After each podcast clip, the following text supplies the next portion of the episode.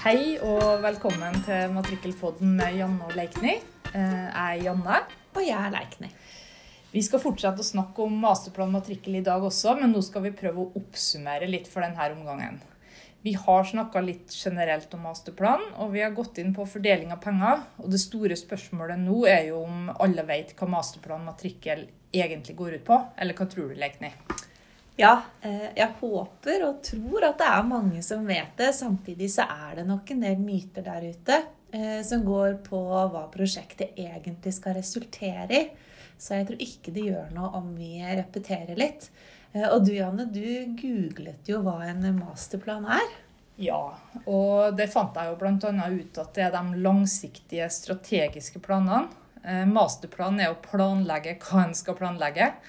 Og for å finne ut hvor vi skal, så må vi først finne ut hvor vi er. Mm. Og masterplanen vår, altså masterplan matrikkel, den kan vi si er delt i to hovedpilarer. Den første er selve registeret. Og det å få opp eh, den registeret på et teknisk og funksjonelt godt nivå. Og den andre pilaren, det er jo dataene som er i registeret allerede, og som skal legges inn. Og det er dette vi snakker om i denne podkasten.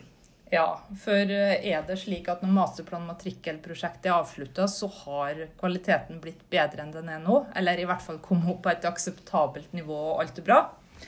Nei. Ikke det? Og, og det er viktig å få fram. eh, At eh, masterplan er ikke et prosjekt som i seg selv skal få datakvaliteten i registeret opp på et akseptabelt nivå, eller at alle som bruker matrikkeldata, vil oppleve at dataen har den kvaliteten de ønsker seg når prosjektet er ferdig. Eh, Gjennom arbeidet i masterplan så finner vi bl.a. frem til arbeidsmetoder som skal hjelpe oss til å jobbe med dataene i matrikkelen. Og her er det også viktig å legge til at eh, Kartverket er jo ikke matrikkelfører. Så det er f.eks. det å legge inn nye data om en eiendom eller et bygg, er i utgangspunktet saksbehandleren i kommunen som må gjøre. Ja, og det passer jo fint med det ene av prosjektets resultatmål, som sier at vi skal etablere en overordna strategi. Vi skal forankre og organisere et langsiktig datakvalitetsprosjekt med tilhørende handlingsplan. Det gjør det. Og et av virkemidlene vi skal bruke i denne forbindelsen, det er hypotesetesting, eller myteknusing, som vi også kaller det. Ja, vi skal altså ta for oss eh, påstander om matrikkelen og data i den her, og så sjekker vi om de faktisk stemmer. Eh, Men hvorfor må vi gjøre det? Kan vi ikke bare begynne å fikse kvalitet med en gang, da, så er det gjort? Det er eh, mange meninger og følelser og påstander om matrikkelen og datakvaliteten i matrikkelen. Så det er jo ikke sikkert at alt det som påstås er riktig, at det faktisk stemmer. Ja, så det vi ønsker er rett og slett å få en mer sånn, hva skal vi si, faktabasert diskusjon om kvalitet i matrikken. Og da, for å si det sånn, så er det kvalitet et begrep som er vanskelig å måle. Det er det. Eh, Det er veldig vanskelig. Og det som er dårlig kvalitet eh, for noen, er kanskje ikke det for andre.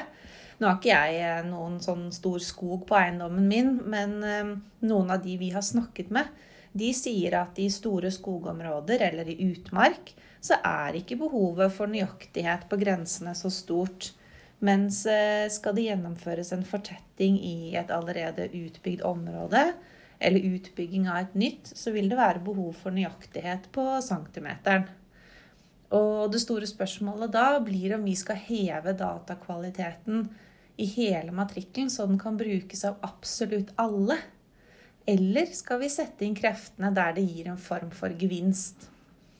For eh, hvis vi fortsetter sånn som vi holder på i dag, hvor man gjør litt her og der, eh, og innfører måleplikten som eh, ligger i matrikkellovens paragraf 7, og vi forutsetter at samme eiendom ikke selges mer enn én gang, så er det regnet ut at det vil ta 20 år å få god kvalitet på eiendomsgrenser. Og det er estimert at det koster 44 milliarder. Og det er bare snakk om eiendomsgrenser. Ja, eh, da har jeg i hvert fall Da tror jeg er stygt redd å si jeg har gått av med pensjon. Men eh, det er mye penger, og det høres ut som en stor usikkerhet. Så vi trenger altså å finne ut om hvem som bruker matrikken, hvordan datafelt de bruker, hvilken konsekvens har det for bruker at kvaliteten er for lav for det aktuelle datafeltet. Og først da så finner vi ut hvilke tiltak eh, vi kan ha for å øke datakvaliteten i matrikkelen. Og de tiltakene, det er kanskje viktig å få frem, de må ha en samfunnsnytte. Ja, eh, det er jo en del av det arbeidet vi holder på med. Og så må vi også fylle på med flere tiltak for å komme i mål. Ja, flere tiltak, sier du. Er det noe av resultatet fra den samfunnsøkonomiske analysen vi fikk utarbeida i 2019 vi snakker om da, kanskje? Det er det. Eh, I den analysen, eller arbeidet med den, så ble det klart at eh, vi må først få frem fakta om dagens situasjon. Så må vi finne ut, som du sa, eh, dette med hvem som bruker dataene. Og om dataene finnes i andre registre. For kanskje er det ikke matrikkelen som skal gi disse dataene, eller de kan overføres på en mer hensiktsmessig måte enn i dag. Og så må vi jobbe med informasjon. Både til de som fører data inn i matrikkelen, men òg til de som bruker dataene. Det er veldig viktig. Og det fjerde tiltaket, det går mer på det tekniske, med hva som er lov til å føre, og veiledning av de som fører. Og så helt til sist så er det tiltaket med å innhente nye data. Ja, det er jo greit å ha en slik plan, da. Eh, Dette var jo mye om denne pilaren som handler om de dataene som er i registeret. Og så bør vi kanskje nevne også at når det gjelder tekniske og funksjonelle forbedringer, som er pilaren som omfatter selve registeret, så skjer det mye i løpet av selve prosjektperioden. Mm. Eksempler på det er det vi har nevnt tidligere, å benytte supporterte komponenter og gjøre registeret mer brukervennlig.